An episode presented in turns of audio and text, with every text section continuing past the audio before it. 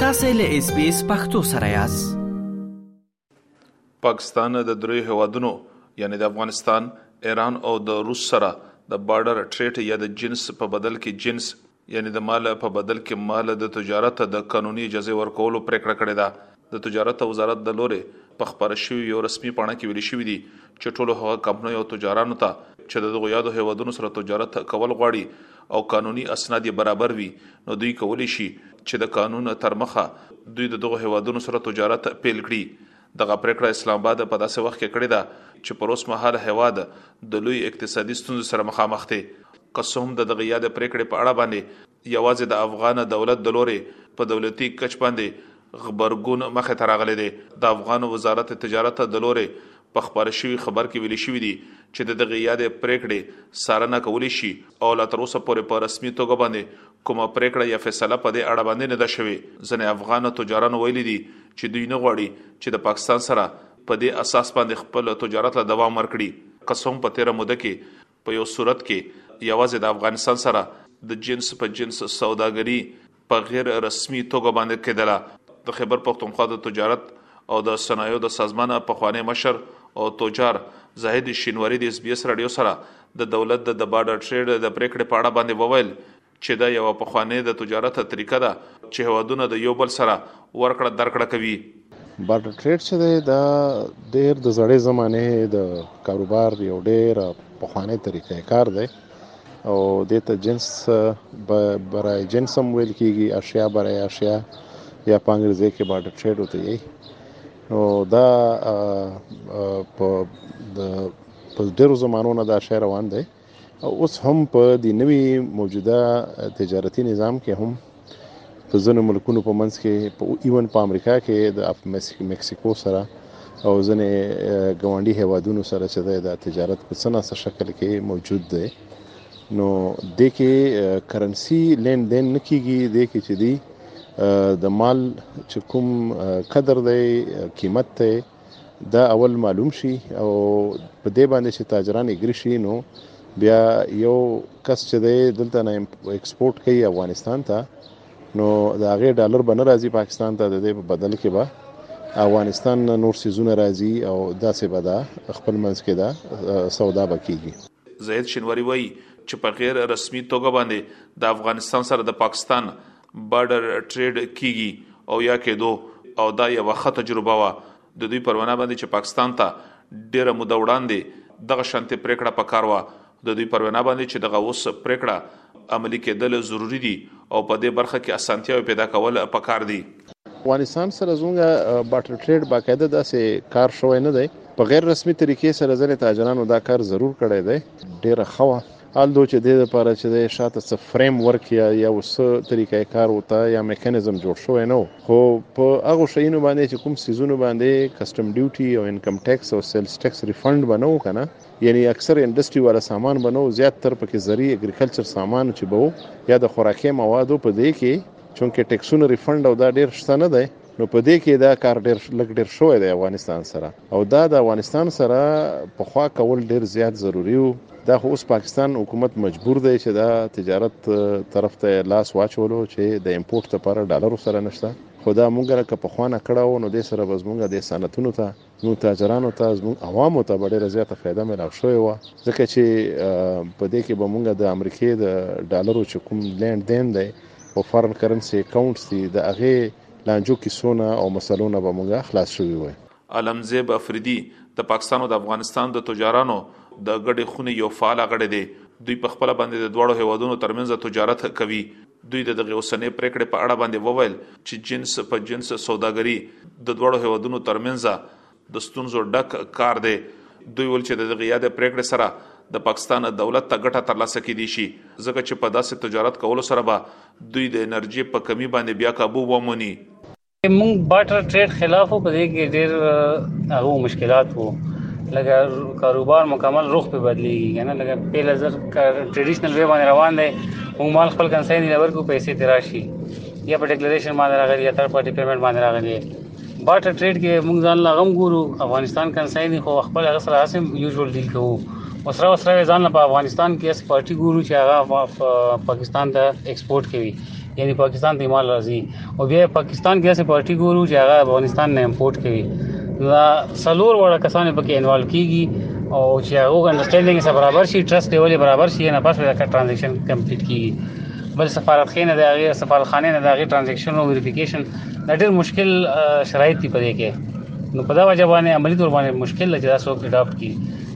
په سټیټ لیول باندې کې دي چې حکومت ته فائدہ ورکړي د پېټرول امپورټ یا نور سایټم حکومتي سره باندې امپورټ کیږي هغه ته فائدہ خو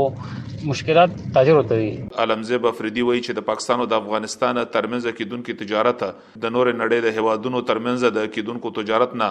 یو جلا شکل لري دوی وویل چې دلته کې بیلابېلې تجربې تکرارېږي کله اعلان وشي چې دغه تجارت په پکلدارو کې کولی شي او کله د ډالرو خبره وشي او کله د یو دریمګړي خبره هم وشي دوی وویل چې د نړیواله قانون سره سم د افغانستان او د پاکستان ترمنځ تجارت پکار دی او دغه شنت دغه تجارت په بیا وده مومني افغانستان سره ټریډ د نور دنیا سره ټریډ نه مکمل ډیفرنٹ دی هغه زمینی حقایق مختلف دي د باندې مختلف تجربه او شول پی کې آر کې کله او کې کله فارمی ډایرکټ کې اوپن مارکیټ نه ډالر لاوړي کله کسٹم ډیکلیریشن باندې کې کله تھرډ پارټي باندې لاوړي اوس به کې بارډر هم راوستو دا یو تجربه خو لګی نه چې دا تجربه به زیاته کامیاب شي ځکه چې دې باندې کاست اف ډوینګ بزنس یعنی کاروبار کول او اخراجات هم سیوا کیږي او او نور مهنت خوریم پکې زیات کول دي کسان قتل اسې ادباري او اعتماد والا کسان قتل چې افغانستان کې موږ کنسای نه هټ کې زموږ سره موږ ترانزیکشن کې سپورټ کوي ځکه چې موږ مال لیږو افغانستان ته موږ پیسې به ورکو افغانستان کې هغه کس ته چې کوم پاکستان ته مال لیږي هغه کس به پاکستان ته پیسې مال لیږي او عدالت به پاکستان ته رسیږي بیا پاکستان کې مونږه څه کس ګورو چې هغه امپورټ کوي افغانستان نه هغه مال به مونږ دلته امپورټ کوو هغه به خرڅېږي د هغې پیسې به بیا مونږ ته راځي نو ډېر زیات یو مشکل سرکل یې جوړ کړلو بهرحال دا تجربې به هم چیک کړي او بهتر طریقه خدا چې یو لیګل وی باندې ایکسپورټ پروسیډ راځي لکه څنګه روان دی کسٹم ډیکلیریشن باندې یا تھرډ پارټي پیمنٹ بانکینګ چینل باندې د سړي چې دا ټرانزیکشن بانک ته سرندر وي منی فلو یې څرګندوي او انټرنیشنل سټانډرډ مطابق صحیح روزګار روان دی په دې باندې زاهد شینواری هم د دغې خبرې سره اتفاق کوي چې د بارډر ټریډ په برخه کې یو شمېر ستونزې شتون لري. دوی وویل چې لا تر اوسه پورې کومه کڼلاره نه ده ټاکل شوې، خو په دې برخه کې اسانې لارې چارې لټول پکار دي. ستونزې په کې دا دي چې دې ته اوسه پورې یو طریقه کار جوړ شوی نه دی، که نه؟ زه چې فرض کا یو پلاستیک کارخانه لرم او زه افغانستان کې پلاستیک خرڅوم کنه نو که بیا فرض کا ماته افغاني وای چې د په بدله کې مثلا زه غوړی ماته راولېګا یا غوړو نه علاوه هغه دوی معنی غوړی یا دین علاوه چې د سفروټ یا سبزی معنی غوړی دا زنه شم کولای نو زه به وایم چې به ماته خو د دې هیڅ تجربه هم نشته دا زه کولای هم نشم او د دې په قیمت باندې هم خبر نه یم د دې په کوالټي باندې هم خبر نه یم نو دا سه د له سره چې دا بلګ مشکلی نو د دې لپاره میکانیزم به جوړي حکومت او هغه میکانیزم دا دی چې یو ټریډ ایکسچینج ورته مونږ وایو چې یاسې یو ټریډ ایکسچینج جوړ شي چې الته باقاعده د سیزونو حساب کتاب ساتل کیږي چې کوم سیزونه دلته نه الته روان دي او الته نه دلته راځي او اغلته خلک ځان رجسټرډ کی کاغه ماچس والا دی کاغه فرض کا غړو والا دی کاغه سټیل والا دی یا پلاستیک والا دی او هغه ته چې کله افغانستان نه کوم فرض کدا مونږه کویل نن سبا ډیر راځي افغانستان نه کویل رااله نو هغه په بدل کې ای ته سیزونه په کار دي نو هغه باید چې ټریډ ایکسچینج ته راشي او ټریډ ایکسچینج کې بیا چې کوم کسان رجسټري چې هغه کسانو ته وینا وشي چې به دا سیزونه الته د دومره ویلو چې دا موږ ته په کار دي نو په هغه ویلو باندې او ویلو به چې دا هم په ټریډ ایکسچینج کې رجسټر کړي نو هغه بیا چې الته رجسټر شي نو الته نه بیا دا سیټلمنت به وشي دا چې دی کنه دا به هغه ته دا مال دا غي مال په بدله باندې لاړ شي او د دې پیسې چې دي او د پیسو لین دین چې دی دا په دې کې ډایرکټ د امپورټر ایکسپورټر په منځ کې انوال نشي لوکل سطح باندې چې کوم کس ایکسپورټ کړه او کنه هغه ته د د امپورټر چې دی کنه دا پیسې الته ملاو شي ایکسپورټر ته دغه سی په افغانستان کې هم چې په خپل یو اداري او الته به دغه سی د دې مالونو سیټلمنټ کیږي قسم د پاکستان د ایران، افغانستان او د روس سره کیدونکې تجارت په اوس وخت کې برابر حجم نه لري نو بیا به څنګه دغه خبره ممکنه کیږي چې جنس په جنس سوداګري دوام ومني زاهد شینواري وايي. نن سبا خو خیر دومره فرق نه دی یو وخت داسې و چې نوي فیصده د پاکستان طرف نه ایکسپورټ روان و لس فیصده به ایمپورټ را روان و. اوس دا د کویلې په وجه باندې دا بیلانس چې دی کافي حده پورې تک تاسو تورخم باندې د ګاړو تګ راتګ مو ګورئ دومره ډېر فرق پکې پاتې نه دی خو زه اوس هم دا وایم چې د سره تجارت پرمختګ به ډېر زیات شي ځکه چې دا کې زیات فایده چې دا ریټیل والا پرچونی تجارت لپاره دا وړو وړو تاجرانو لپاره دا په غټو لیول باندې به دا اوس هم چې دی که زمونږ فرض کا دا سیمټ روان دی نو سیمټ فیکټریانو ته به د سیمټو ډالر چې دی په کاري هغې ته به دا ډالر ورکول غواړي داسې چې کومه غټه غټه انډسټري زموږ د سټیل ده یا دې نه علاوه غوړو ده خو چې کوم زموږ د پرچون تجارت دی په هغې کې دا ډېر په اسانه باندې کېږي ځکه چې هغې کې یو دا د ټیکسونو د لانجې کیسې په کې هم نه دي ته دا ریفنډ الي نه او نه دې سره د ریفنډ لپاره انوایسونه یې نو دا چې ریفنډ منځ نه وځي نو بیا د اشیا برای اشیا چې کوم تجارت دی دا ډیر په اسانه باندې کېدای شي او ډیر زیات پرمختګ به وته ملاو شي دې کې زمونږ خاص کر د پاکستان ډیره فایده ده دلته ډیر سيزونه داسې شته چې هغه افغانستان کې ډیر ضرورت دی خو دا د لینډ دین د لانجو کیسو د په وجه او د ټیکسونو د لانجو په کیسو په وجه باندې هغه کې دا خندونه وو دا مشکلاتو پکې نو اشیا برای اشیا چې دی یا جنس بر جنس چې ورته وایي د دې تجارت کې د دې پرچوني تجارت او د وړو تاجرانو تجارت به ډیر زیات ښه شي او ډیر اسان به شي زاهد شینواری په دغه خبر باندې ټینګار وکړو چې نه خو په دغه اوسنۍ پریکړه او نه په تیرو وختونو کې چې د تجارت په اړه باندې کومې پریکړې شوې دي نو تجاران او سازمانونه له دینه به خبره ساتل شوې دي دوی ول چې دغه اوسنۍ پریکړه هم د دې لړۍ یو برخه ده داسې ده جي چې دا خو بالکل چې دی زمونږ حکومتونو دا مسلې روانې دي چې کوم سټیک هولډرز دي کوم متعلقه اسوسییشنز دي چیمبرې دي یا تاجران دي دا هیڅ کله په اعتماد کې نه اخیستل کیږي او دا غي په وجه باندې غلطه پالیسي جوړیږي او دا غي پالیسي او د غلطو پالیسي په وجه باندې کوم د ملک موجوده حالت کوم ځای ته را رسیدلې ده چې موږ دیوالي پن ترالو دا خود د خبرې ثبوت دی چې دا پالیسي نه زموږ د حکومت ټوله غلطه ده او دې کې غټ راونجا وجه هم دا وا چې دا بیوروکریټس په جوړولې په دفترو کې دنه دنه د بازار او د تاجر او د انډستری چې کوم ارزي مسایل یا ګراوند ریالیټیز وغه نه دی خبر نو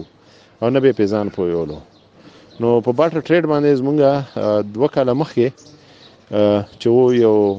خبره شوې وي او زمونږه چیمبر پکې ډیر اکټیو او هغه په وجه باندې زونګ لک ډیر ایران سره کار روانو خو صحیح مانو کې د دې میکانیزم جوړ شوی نه نو دا نه مونږ ایران سره ډیر زیات دته دوام ملاو شو یا پرمختګ ملاو شو او نه افغانستان سره ملاو شو اوس ښکاری دا چې اوس حکومت مجبوری ده اوس خو زونګ د امپورټ ډیر زیات دی تقریبا کله 13 ارب ډالر ته رسی کله 90 ارب ډالر ته ورسی او ایکسپورت چې دی هغه تاسو ته پته زموږ 22 ارب ډالر نه زیات نه دی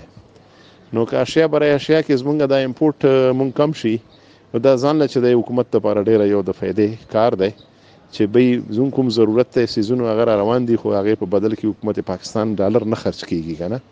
نو دا زموږ د حکومت په فایده کې هم دی او د عوامو په فایده کې هم دی بیا خاص کر چې کوم زموږ خیبر پښتونخوا تاجران دي او صنعتکاران دي دوی ته فایده ډیره ده بیا چې کوم په بارډر باندې اوسېدونکي زموږ قبایلي خلک دي او دې طرف نه هغه طرف نه افغانستان طرف نه چې کوم علاقې موږ سره جنګېدلې دي د ټولو خلکو ته په دې تجارت کې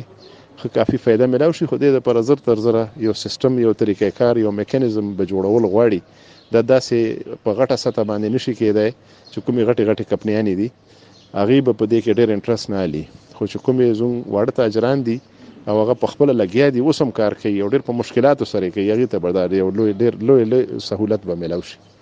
پر اوس مهال باندې پاکستان د لوی اقتصادي ستونزې سره مخامخ دی برآمدات یا بهرني هوادونو ته د مال لیکدولو حجم یې دوی شاربه ډالر او د بهرني هوادونو نه مال راغښتونکي یا درآمدات یې د اتیاو نه تر نوي ارب ډالر پورې رسیدلې دي کوم چې یو ډیر لوی توفیر دی. د پاکستان د دغې اوسنۍ پریکړې تر مخه پاکستاني تجارانو له اجازه ورکړې شوې ده تازه او وچې میوې، سبزې، دالونه، مرچ، معدن، سکاره، ربړ، چمړې، اوسپنه او سټیل راوړي. دغه شان د ایران په اړه باندې ویل شوي دي چې تازه او وچې میوې، مرچ، معدن، داتونه، کویله، پټرول، ان ایل جي، ایل پي جي، کیمیکل، کیمیاوي سرې، پلاسټک، ربړ، اوسپنه او سټیل او دغه شانته نور څه شیان خودل شوي دي. دغه شانته د روس نه به دالونه، غنم، سکاره او د پټرولو ترڅنګ ګاز، کیمیاوي سرې، پلاسټک، ربړ، معدنیات او د جامو د جوړولو مشیندري هم راوړل کېدی شي. اسلام ګل افریدي اس بي اس رادیو پېښور. اس بي اس پختو په فیسبوک کې تا کې پلی مطلب یو فاک کړئ نظر ور کړئ او له نورو سره شریک کړئ.